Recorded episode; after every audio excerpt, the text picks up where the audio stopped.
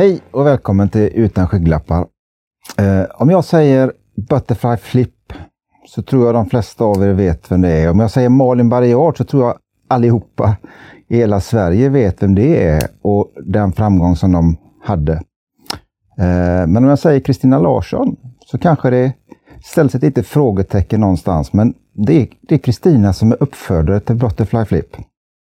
Kristina har också kallblod och en uppfödning som är Lysjö eh, som hon har och där hon tävlar med. Så idag ska vi prata lite både kallblod och hopphästar. Välkommen Kristina! Ja, tack så mycket!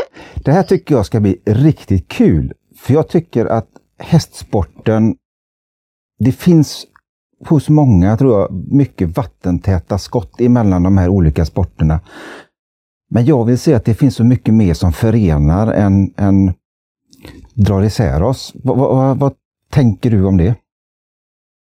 Ja, det, det tycker jag också faktiskt. Mm. Jag har ju som du säger eh, både kallblod och eh, ridhäst. Och där är ju mycket som jag använder, ja, vad ska vi säga, liknande som jag skiftar över till de olika eh, raserna eller vad ska jag säga, tävlingsindividerna. Mm. Ja, du gör det? Ja, ja. det gör jag. Men, och för, för för de som då kanske inte känner till det om man säger som så, berätta lite om dig själv. Du bor utanför Sunne. Mm. Eh, hur många hästar har du idag? Eh, det är sex stycken idag. Och är det, är det bara kallblod eller har du kvar några hopphästar? Eh, nej, nu är det bara kallblod. Det är det? Faktiskt. Jag ja. sålde den sista avkomman efter flippan i eh, våras, eh, ja. tidigt i våras. Ja. Mm. Och vad har du, du eh, vi, vi pratade lite igår eh, som en förberedande för det här på, på telefon. Jag, jag sa lite den här biten att det är, det är risky att gå ut och tävla en fredagskväll. Man vet ju inte hur humöret är när man kommer hem. Men du, eh, du var väl ganska gott mod eller var du delad efter gårdagen? Ja, det var lite delade känslor igår, måste jag ju säga. Det var överraskningar från eh, på två olika håll. Ja, för vi pratade, lite, vi pratade lite just om det här också med hur att, att, att köra i travet gör liksom ingenting kanske om, om allting flyter och allting går bra. Men, men om, man, eh, om man hamnar bakom kanske någon som galopperar eller, eller eh, blir störd eller något sånt, då kan man bli lite harmsön. Men, men igår hade du egentligen ingenting sånt att skylla på, eller hur var det? Nej, nej, det var nog jag och hästen som inte var riktigt överens om vart vi skulle vara. Våra viljor, de gick isär. Nej. Jag förstår ja. att det, här, det, är en, det är en väldigt speciell individ. Ja, det är det. Det är en talangfull häst som har mycket egna idéer och, och är nyckfull eh, i sitt beteende. Så att, eh, ja, och är inte riktigt enkel att styra. Jätte, jättesnäll hemma och jag rider på henne i skogen och jag kör och det är världens trevligaste individ. Men när det är tävling då får hon lite för mycket nerv och då, då spelar det henne ett spratt och då är jag inte riktigt byxade till att, hantera det. Nej, det, det är sådär med de här individerna. De, eh, de har ju lite egna viljor. Ja, en del har ju mer än andra. och det har jag ju råkat ut för med ridhästar också, att de har haft mer vilja än vad, vad, många andra eh, individer har så att säga inom i alla fall kallbloderna som, som kanske är lite tryggare och lite stabilare utav sig. Så att, eh, men det här är lite för mycket fullblodstakter i den här. ja, men du ska väl ha någonting kvar liksom som du får jobba med än att bara sitta och finåka? Ja, det är klart. Det är ju inte skoj om det skulle gå bra jämt och att den kan liksom räkna ut i förväg att det här kommer att gå bra och jag får de och de framgångar för då tror jag inte en värdesätter det Nej. på något sätt egentligen. Nej. Utan eh, tjusningen är ju det här att det är en utmaning att få hästar att vilja samma sak som en själv vill. Ja. Så att eh, det är det är intressant faktiskt. så en, får väl inte döma henne egentligen men det var ju skoj med den andra då som är lite mer behärskad i sitt beteende som, som gör det jag, jag vill att han ska göra och gjorde det mer än vad jag hade räknat med till och med. Så Ja. att, eh, ja, det, var, det var härligt. Ja, det, det, blev, det blev ett andra pris där va? Ja, det gjorde det. Ja, Men eh, ja, det, det var ju första gången han gick kortlopp mm, i den klassen han var och eh, jag hade 20 meter tillägg så att det var ju inte så enkelt med hästar runt omkring och framför. nej. Så att han fick lite för drygt spår eh, i slutklämmen så att han, han nådde inte till ledaren. Annars så hade han fått samma fina resa som den där så hade han vunnit, det tror jag med all säkerhet. Ja men vad För Han är roligt. jättestark och, och bra så att eh, men vi tar dem nästa gång så brukar jag tänka. Precis. Jag får ju inte tappa hoppet. Nej, nej det, det är väl lite det som är tjusningen att man, det kommer ju alltid nya lopp. Ja, jo det gör ju det. Det, det är ju därför en, en känner att det liksom, en vill inte ge sig utan jag vill prova om och om igen. Ja. Så en vacker dag så fungerar det. Man tänker, du, Ja. du, du liksom då både uppfödning med, med eh, hopphästarna och med kallbloden. Har du, har du tänkt ungefär samma tankar i för att få fram bra individer? Jag vet inte riktigt om jag kan säga det. Jag tror hela jag är nog en sån där människa som går lite utifrån mina intuitioner, alltså Okej. magkänsla. Ja. Ehm, Men eh, kanske när jag ska nämna något som, som jag har tro på och det är väl det som går efter naturligtvis, att en tror på någonting extra Ja. mycket. Så var det ju när eh, jag lät betäcka mamman till Flippan då, Okej, med en av Sveriges bästa hopphästar. och vilken var det? Det var Robin Z. Och det var det som Och blev Flippan blev sen? Flippan. Ja. Ja. det gjorde det. Det var ju många som tyckte att jag tänkte alldeles fel för hon var gammal och, och, och Robin han var på frysperma och det var alldeles för besvärligt och så vidare och så vidare. Men eh, nej, jag, har jag fått för mig en sak så ger jag mig inte i regel. Så att då, det blev som det blev. Men att den blir en så bra häst, det är, är ju många parametrar som, som har liksom ja, det har varit som ett kugghjul som har kuggat i rätt kugge Ja. undan för undan. Och det, så är det väl med mycket, det, det måste flyta. Ja. Så det, det är inte så lätt, det är, inte- är någonting att ta fram på beställning. Nej, nej det, det, det kan man ju definitivt säga. Ja, nej det är svårt, jättesvårt är det. Men det, Men det har varit en riktig önskedröm och framgångssaga. Från början till slut. ja.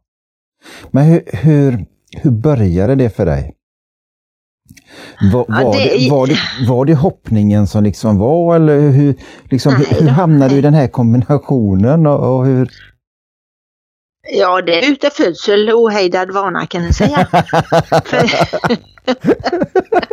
för det var så här förstår du att mina föräldrar de hade köpt eh, två kallblodstravare Ja. som de använde i jordbruket Ja, på 50-talet ja, när jag föddes.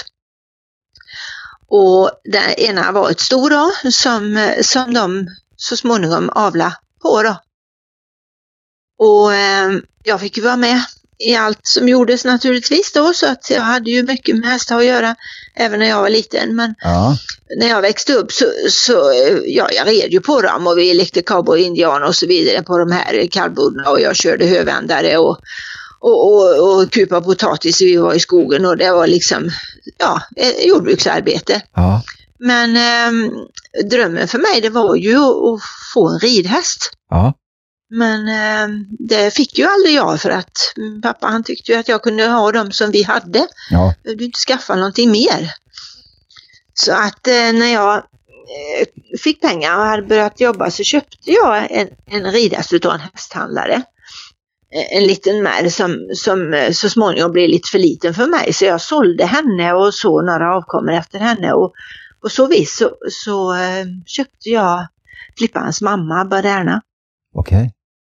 Och då jobbar jag eh, på ridskolan i, i Borås, Ja. i stallet där. Så att eh, jag, jag var ju där på dagarna och där fick eh, Baderna bo också då, Ja. när jag fick hem med henne. Och det visade ju sig att hon kunde hoppa något alldeles enastående den där lilla hästen. Men det var ju inte jag riktigt, eh, vad ska vi säga, jag hade inte de tävlingsnerver. Alltså jag fixade inte det där och hon var för känslig. Jaha. Så det var ju många tårar och, och mycket besvikelse. För att vi kom inte så långt på hoppbana i regel. Nej. Utan hon sa tack och adjö, så fick vi gå ut.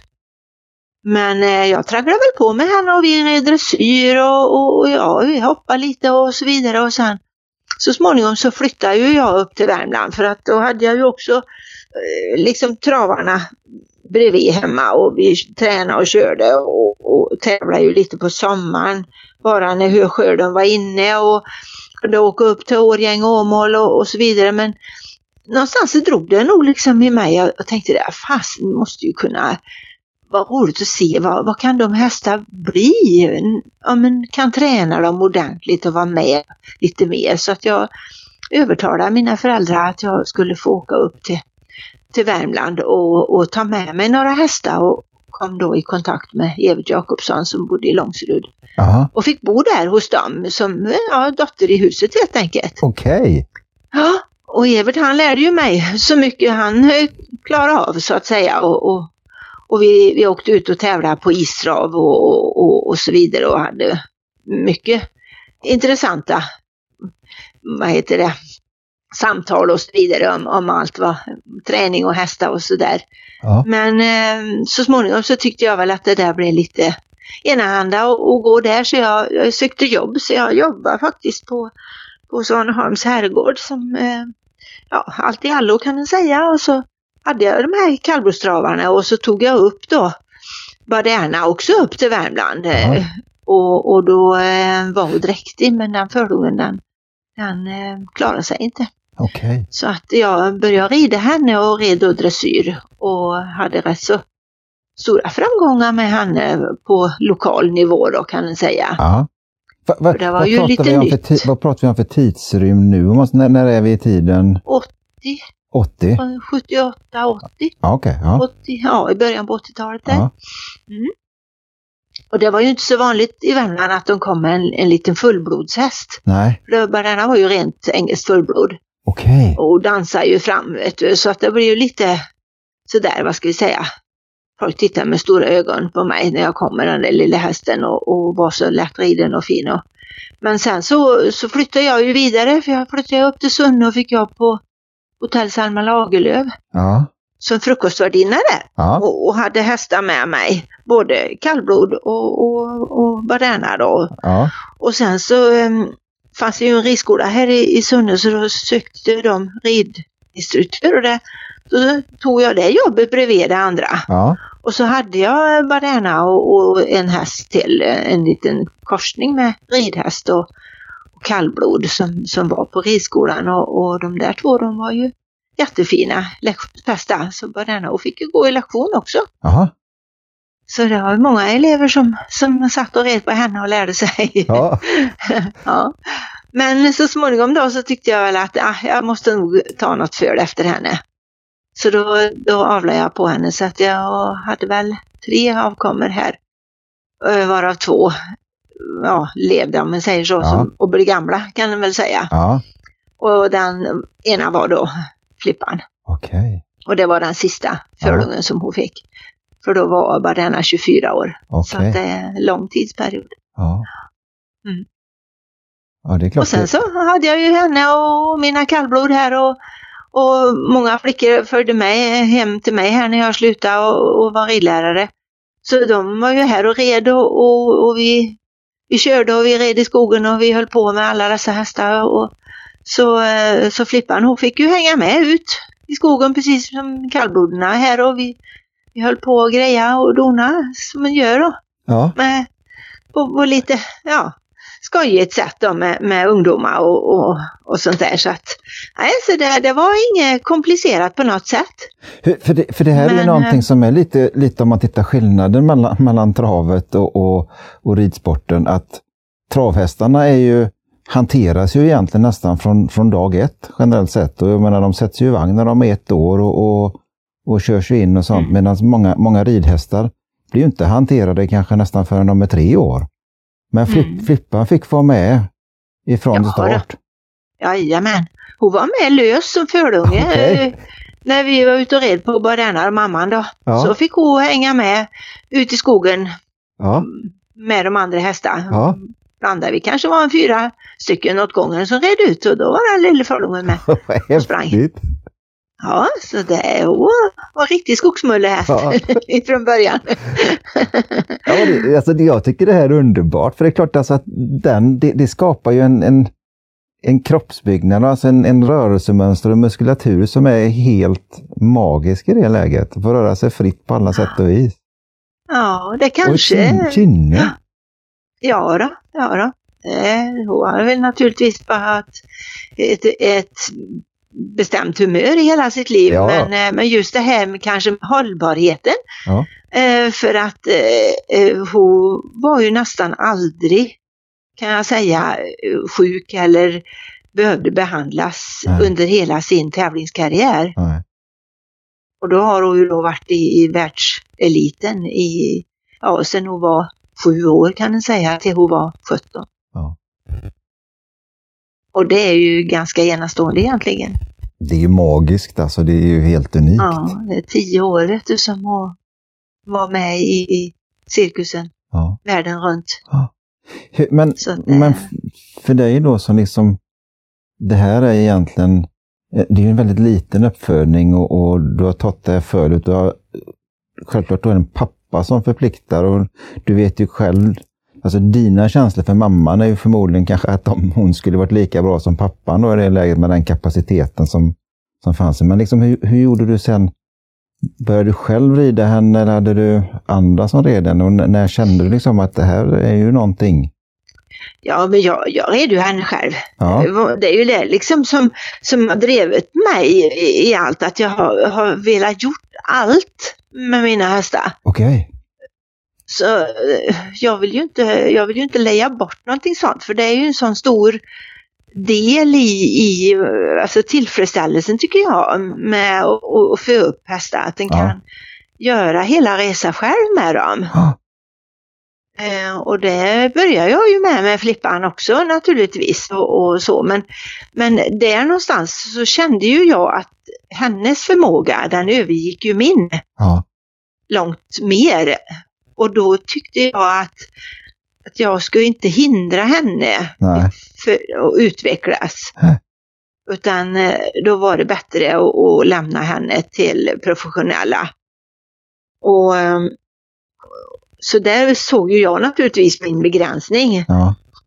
Och det är väl därför också som jag sen har, har liksom eh, kanske mer eh, inriktat mig på travet och, och de här kallblodshästar som jag då har också fött upp ifrån början allihopa och, och i generationer.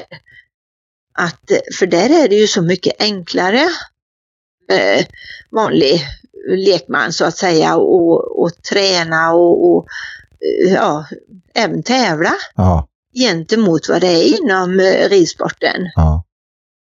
För det krävs ju inga, inga professionella uh, anläggningar eller professionella tränare eller uh, ja, vad du än ska göra liksom. Men för här kan jag ju köra ut på, på byvägen med mina travare och träna dem. Ja. Så de får kondition och, och, ja, och snabbjobb det kan jag göra själv på bana. Och, så att eh, där, där har ju jag, kan man säga då, vad ska jag säga, mer eh, känt att jag, jag mäktar med ja. fortsättningsvis då. Ja. så att, och eftersom drivkraft är så stark när det gäller att känna att jag kan ta fram dem ifrån början så, så tycker jag att det här är mycket skojigare nu faktiskt att hålla på med kallblodna. Ja.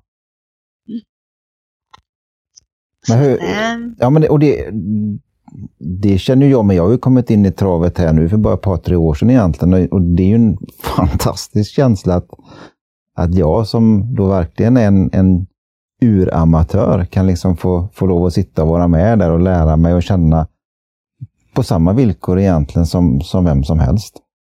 Mm. Uh, men... Ja, det är nog uh, unikt kan man säga för uh, travsporten. Ja. Att, att vi kan, vi kan liksom alla oavsett man, kvinna, nybörjare, proffs. Vi har liksom precis samma möjligheter till framgångar. Jag, jag vill ju säga det, alltså jag, jag, jag är ju av den känslan att, att till och med en person som jag då skulle kunna med, med självklart mycket tur att hitta rätt häst, men sen också en, en stor känsla för den hästen och hur man tränar och hur man gör, skulle kunna få fram en, en, en häst som kan hävda sig långt upp i, i, eh, i i eliten om man säger som så. Och det, mm. det måste ju vara, som du säger, fullständigt unikt för oavsett vilken sport eller vad man än pratar om. Mm. Och det ja, det tror jag. För, för vi kräver ju inga, inga instruktörer som liksom talar om för oss vad, hur vi ska göra och så vidare. Utan vi måste ju gå på känslan utav vad vi, vi har liksom i tömma och, och, hur hästen rör sig och, och så vidare. Sen, sen klart tar vi ju råd kanske och en frågar och en, eh, en lyssnar hur andra gör. Men syvende och sist så, så, är ju varje individ olika och då måste du kunna liksom bena ut vad som är rätt för just den hästen. Ja. Och det, och, och det är klart att, att rutin och erfarenhet väger ju otroligt tungt för att kunna förstå de här olika individerna. Eh, men just alltså möjligheten spelar ju egentligen ingen roll om man är 15 eller 55, den finns ju fortfarande. Ja, ja och det, det, är det. Det, är, det är häftigt alltså. Men, men när, du, när du kände det här med, med Flippan, att det här är en bra häst, vad, vad, liksom, vad, vad tänkte du, hur började du fundera då? Ja, då börjar jag ju fundera på, ska jag behålla? Eller ja. är det bättre att sälja? Ja. Och jag hade henne till salu, så hon var ju, kan vi säga, nästan på väg att bli såld när hon var tre. Okej. Okay. Men eh, då var det en veterinär som avrådde den där köparen och, och tyckte att hon hade för dåligt trav. Okej. Okay. Och, och, det kände jag väl att jaha, det spelar väl inte så himla stor roll för då ska jag ju galoppera och hoppa. så det kvittar. så att, ja, och sen så hade jag henne vidare ut och, och talade om att hon var till salu men, men då kände de här som kom och, ehm, och, och tittade på henne att att ja, de skulle ha juniorhäst då, för hon var ju inte så stor vet du. Och, sådär, så att, men då, då var hon lite för komplicerad kanske och lite för mycket nerv och lite speciell då. Ja, så att, ja. nej, de var lite rädda för att det inte skulle fungera. Och, och någon ville ha henne till sig själv men då var hon lite för liten och, och sådär vet du. Så, men, men kontentan utav allt detta blev ju det att eh, eh, en bekant som heter Thomas Wilhelmsson han, han tipsade Malins pappa om henne. Okay. För att eh, Malin hade varit i England hos John Whittaker och, och lärt sig en massa och tävlat och, och tränat.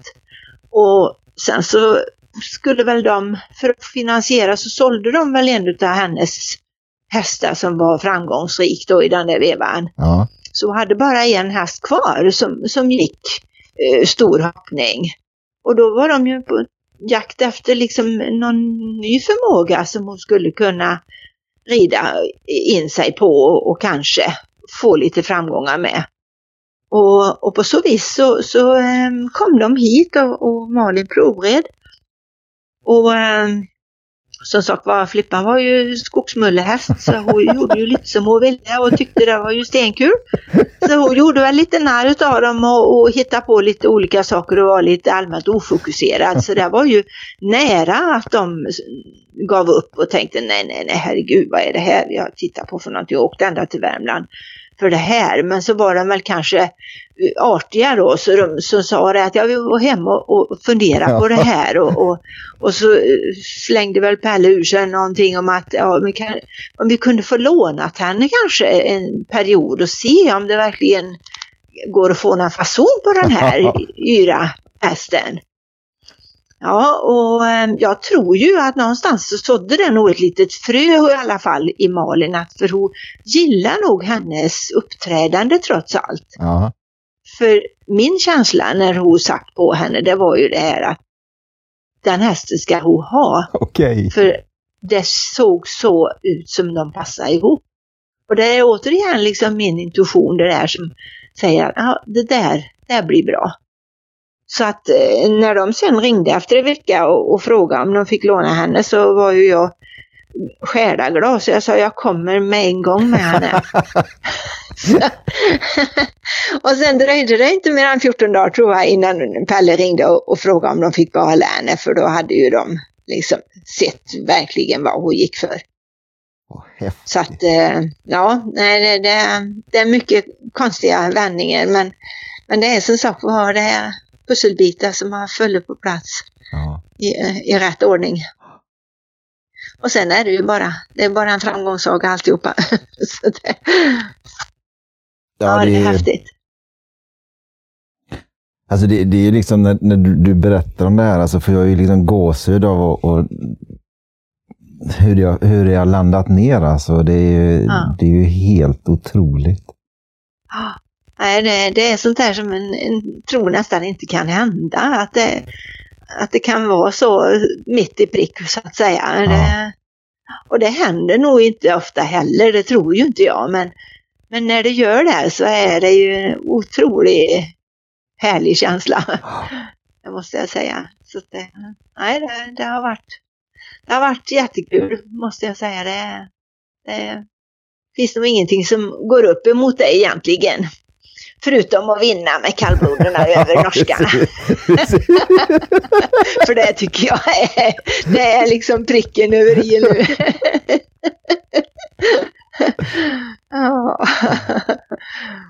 Ja, det, alltså det, här, det här är ju så underbart att höra. Hade du, hade du i den här biten när de nu lånade och sen, sen köpte henne, eh, hade du mycket kontakt och sånt med dem och fick eh, så att säga, uppdateringar på hur det gick?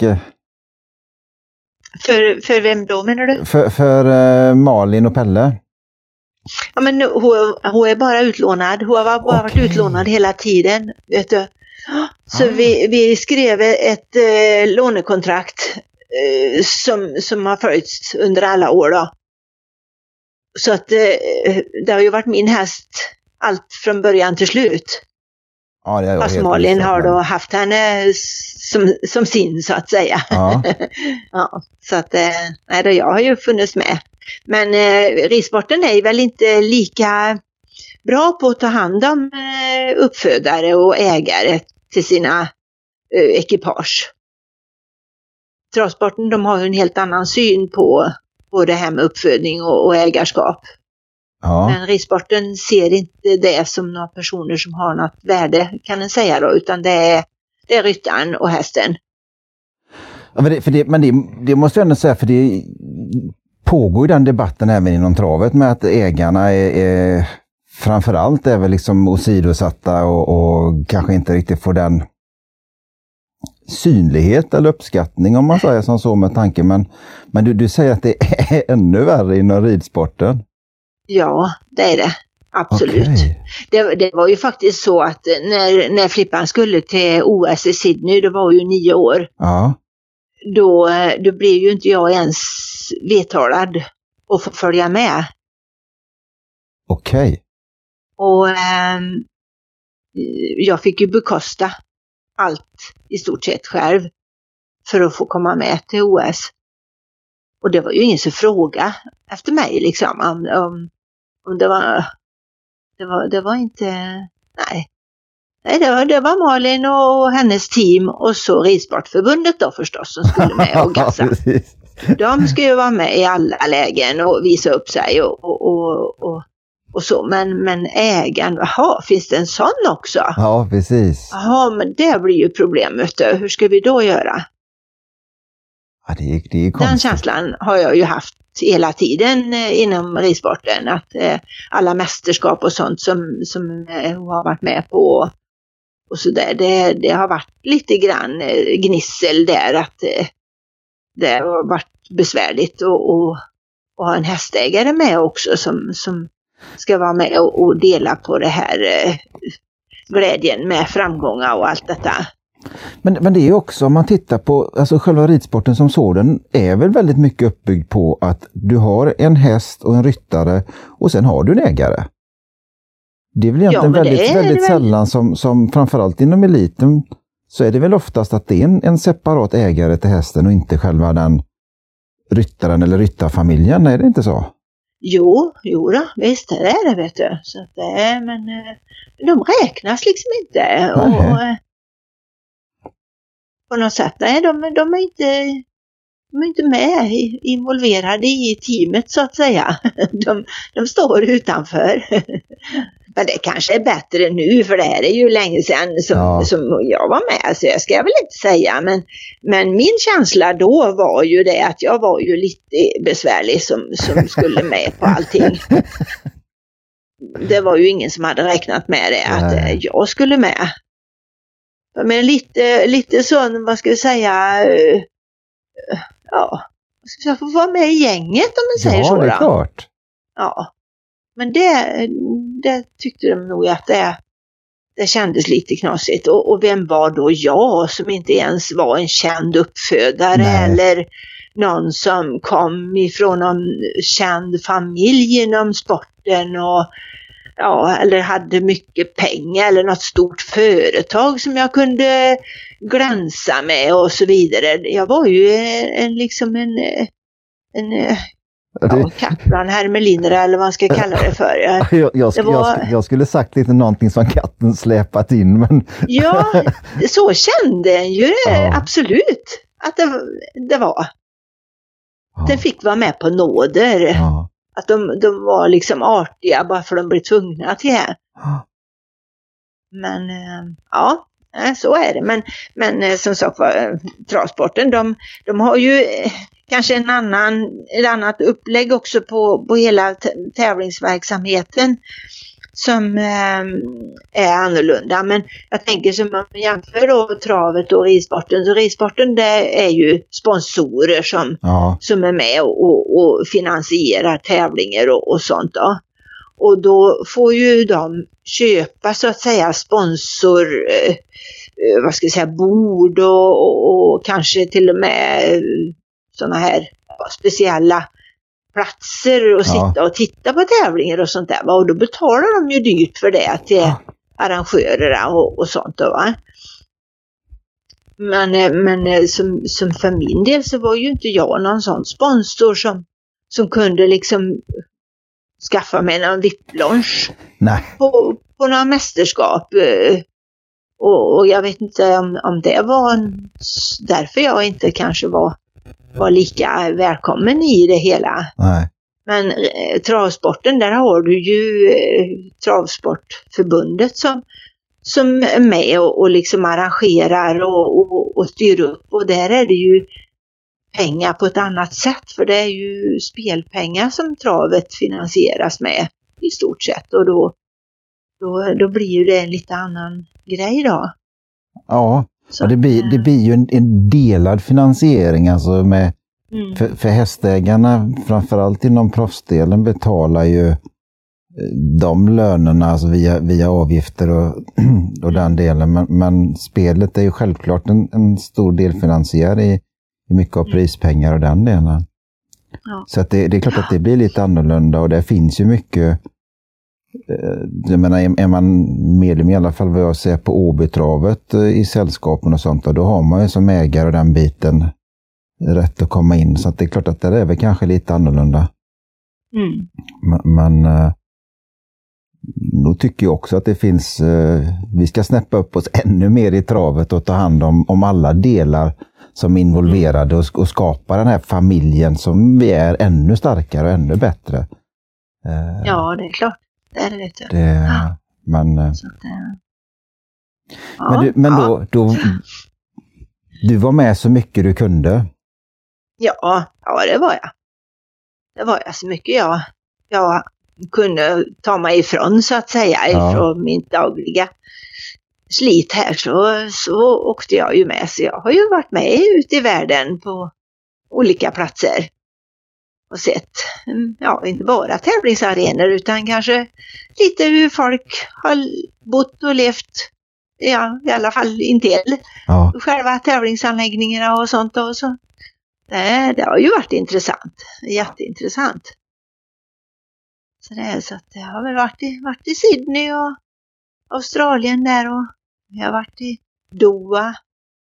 Nere i ja, Arabstaterna. ja, och jag har varit i Las Vegas ett par gånger på världscupfinal och där har jag varit nere mot Grand Canyon och sett mig om runt där och i Calgary i Kanada och där har jag varit redigt i Klippiga bergen och ja du vet det, det har varit lite sådana där eh, utflykter som jag har försökt att göra eh, kanske på egen hand mer eller mindre men, men eh, så att jag har inte bara suttit på tävlingarna Nej, så att nej. säga.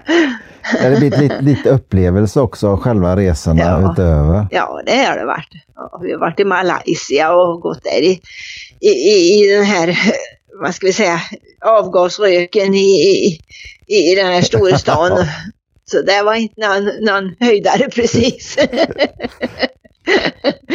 Så att, eh, men det är väl en liten del utav världen i och för sig, men det, det ska jag ha upplevt det i alla fall, för jag hade aldrig rest på det viset någon gång i mitt liv om jag inte hade haft den här hästen som hade dragit iväg Nej. runt hela jordklotet.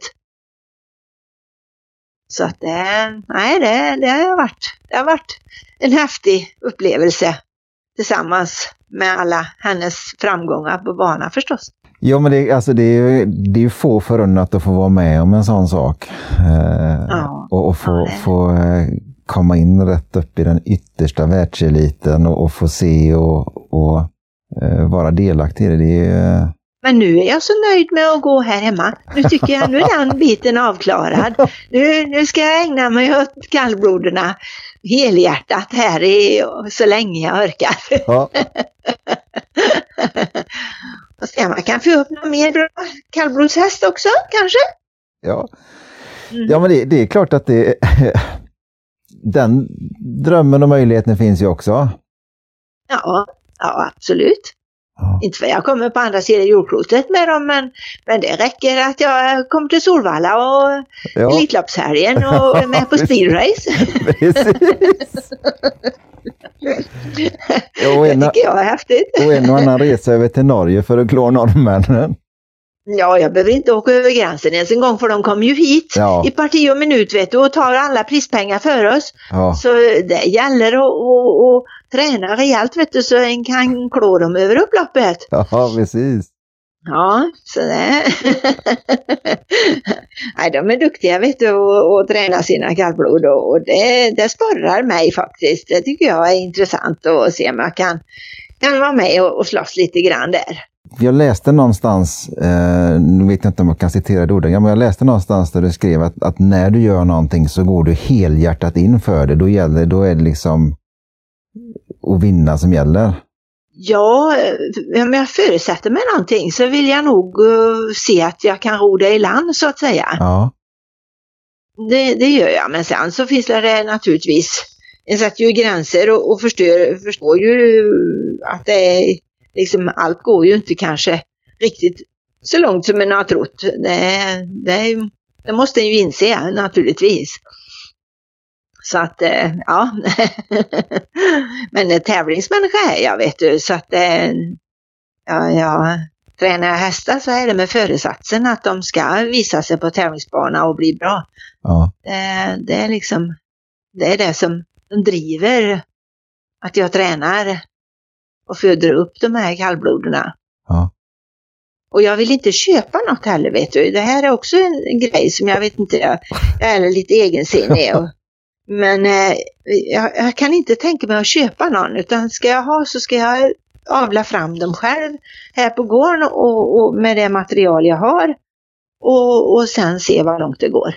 Ja, men det, det är ju en underbar drivkraft egentligen. Ja, kanske. Ja, men Jag alltså, vet inte, men- käns- känslan att få vara med ifrån de här små föl och se dem Ja. födas och så hela vägen och så då kanske möjligheten att få vara med i någon årgångsfinal eller som du säger Ja. Solvalla någon gång. Alltså det är ju, Det är ju ingen, ingenting som man kanske tjänar några stora pengar på eller tror att det ska eh, liksom bli miljonär på. Men, men eh, just det här att, att den känner att den kan eh, utveckla dem och, och, och göra dem till, till förnuftiga, bra individer. Det tycker jag är så tillfredsställande. Att, eh, och sen då dessutom att de kan tävla med bra framgångar. Det är ju ytterligare ett, ett snäpp på det. du, du nämnde lite i början det här med att du, du har lite olika syn på uppfödningen på det när du hade med hopphästarna och på kallbloden. Vad, hur, hur, hur tänker du annorlunda för nu när du för upp kallbloden?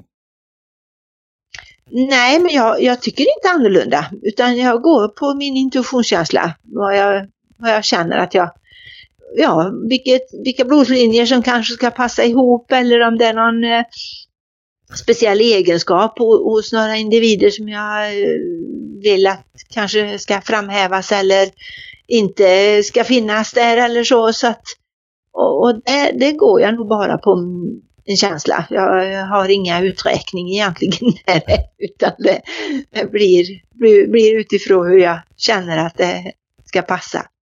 Ja. Så det, det, det är mycket, du, du sitter inte och kollar på blodbanken och går bakåt i tiden utan du tittar kanske på en häst hur den är nu och, och om du vet någon generation bakåt och sen hur det känns och så kör du. Ja, så har jag gjort eh, jämt och ständigt Ja. faktiskt. Eh, ja, I år har jag har tittat, jag har gjort lite sån där provavkomma eh, Ja. på, på ett kallblodssto som jag har till beteckning nu. Ja. Och, och då har jag valt den hingsten som, som gav högst poäng så att säga. Men, men annars så har jag nog gått utifrån vad jag har liksom haft känsla för. ja. Så att, eh, ja det... Vil- vil- vilken blev hingsten som du valde nu? Eh, han heter, nu ska du se här nu, det här är ett namn som jag aldrig kommer ihåg. Så, eh, Smedheim Solan heter han, Okej. en norsk hingst. Ja. Är. ja, den har ju gått Men bra. när jag, jag, jag valde hingst till de, till de andra jag har här, då har det helt och hållet gått på, på vad jag har känt har varit, varit intressant. Ja. Men jag har ju inte avlat några kallblod nu på några år så att jag tappar lite granna eh, liksom fokus på det där och då tänkte jag att jag kan ju i alla fall gå in och titta. För nu går det ju att göra så mycket, vad ska vi säga, eh, mer eh, vetenskapliga Ja. rön så att säga inom aveln så då kan det vara intressant men förut så, så har jag ju bara gått på känslan så att eh, ja, vi får se nu om det lyckas då. Ja, Om det ger några bättre resultat, inte vet jag. Det blir en jackpot. ja, jag, tror att det, jag tror faktiskt att det är så mycket mer än bara att tro att den ska kunna köpa eller göra en, en häst med bra eh, avelsmaterial. Det är så många fler parametrar som måste passa och måste in i, i hela bilden innan det blir något bra utav det. Ja.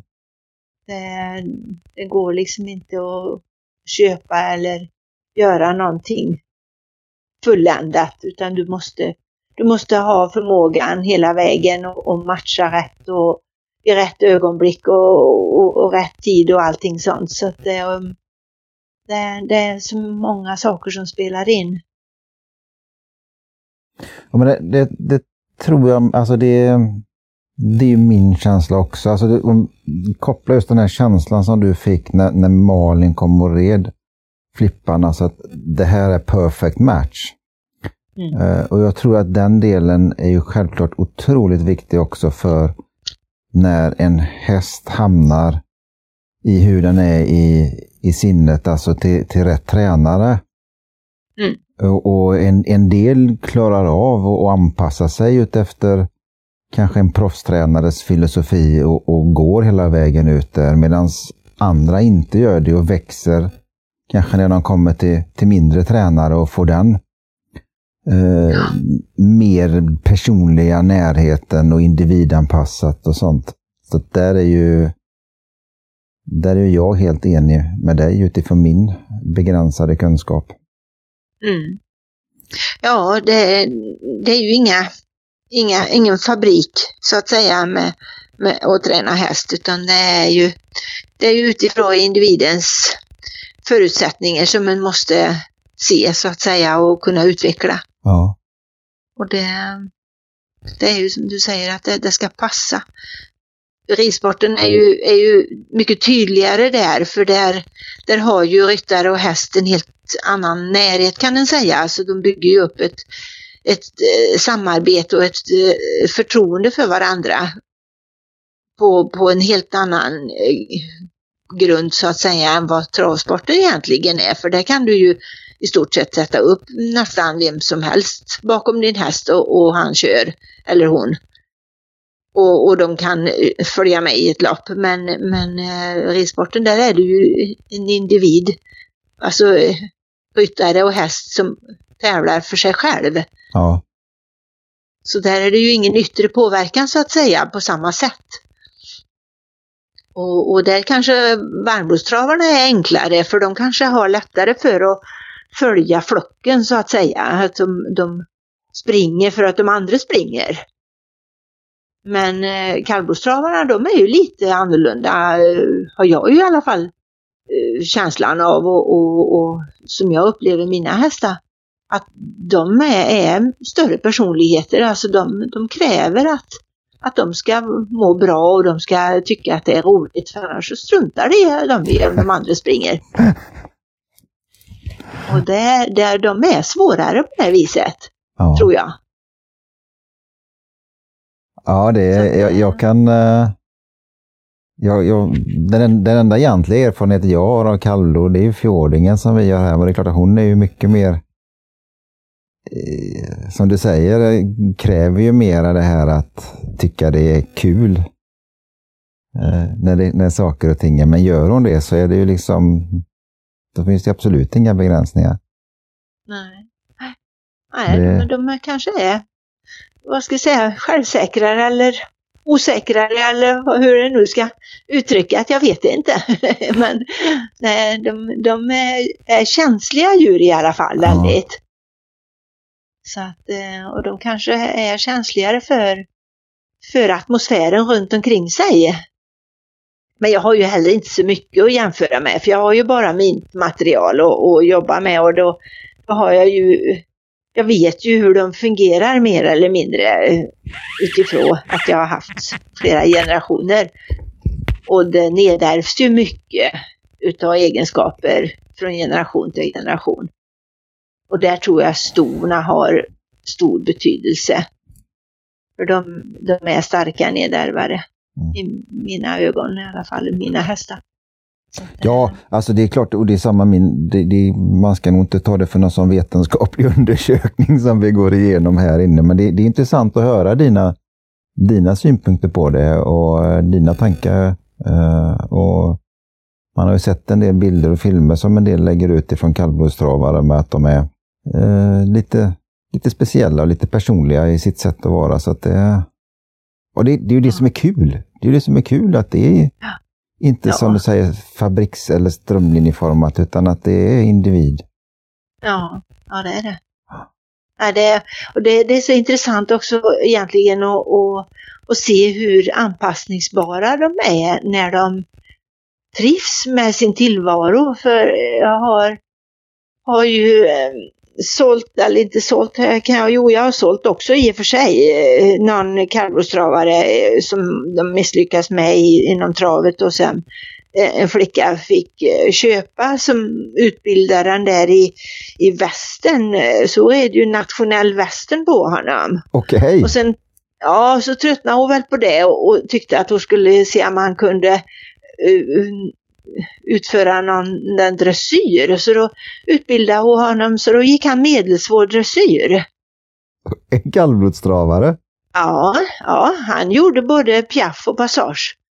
Så han var faktiskt rätt så duktig på det viset men det var ju ingen, ingen klass på liksom stilen han gjorde det med. Men, men just ambitionen hos hästen, att ja. han, han försökte och han, han lärde sig fastän det inte var så vackert kanske. Nej.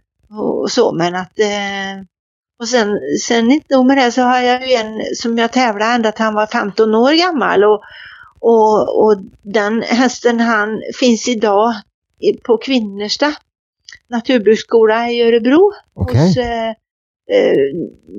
I stallet där i ja. ridhäststallet och, och, Karin som är ansvarig för hästar där hon jobbar som hästskötare hos Malin så hon skötte ju Flippan på den tiden. Och, så vi har haft lite kontakt undan för undan för Karin har hjälpt mig med med inridning och sånt och, och skolning utav de här övriga eh, halvbloderna jag har fött upp då under åren. Ja.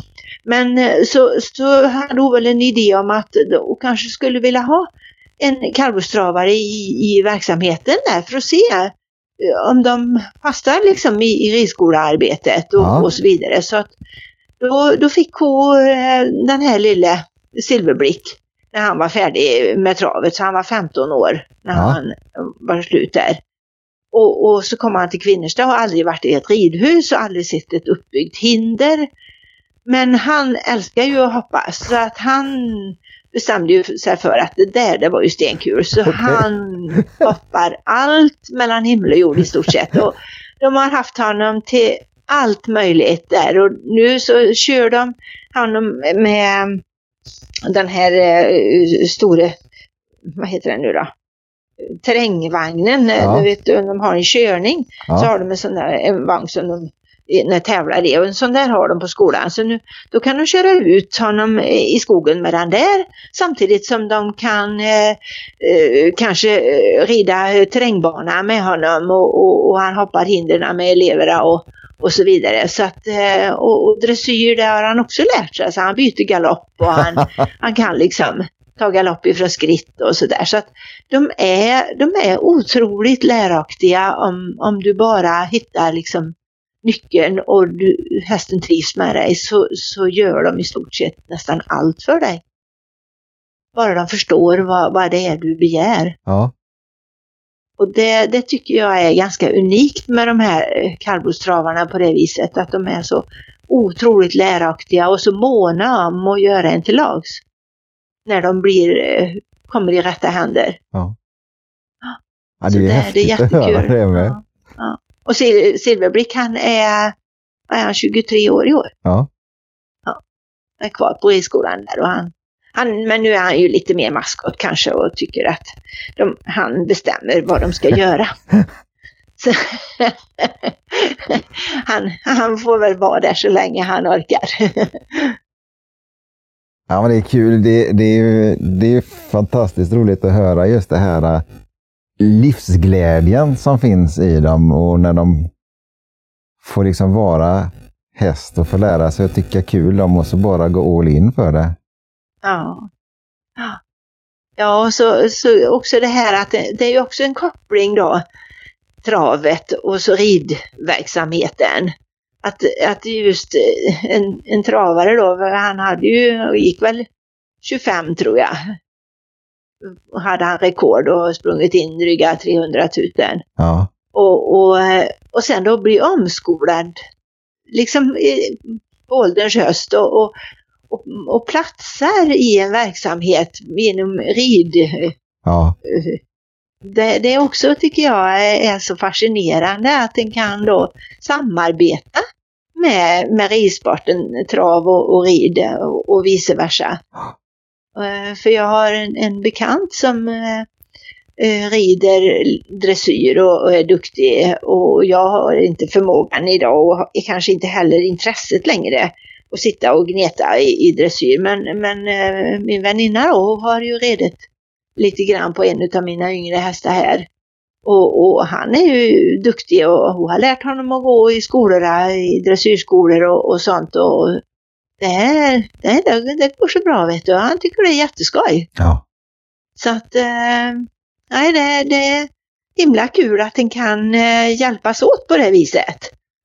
Ja men det är ju självklart och det tror jag, jag tror att det är, är, eh, alltså för, för för både oss själva som håller på, jag kan ju inte någonting om rid eller så, men, men just det här med för hästen också, få, få testa någonting annat och få använda hjärnan på ja. ett annat vis än, ja. än att bara springa fort. Ja, jag tror menta det mentala är, är nog jätteviktigt ja. hos de här tävlingsindividerna. Att de, de får, som du säger, tänka och, och de får göra andra saker och, och, och sådär som ja, inte kanske är kopplade till tävling utan något helt annat. Ja. Och det, jag tror det, det, det är mycket nyckeln till att det är framgångar med, med hästar när de trivs med sin tillvaro. Mm. Och det är mm. ju upp till oss att, att skapa den trivseln om vi bara förstår vad de behöver och har tid och, och intresse av att och liksom eh, ge dem den möjligheten. Precis.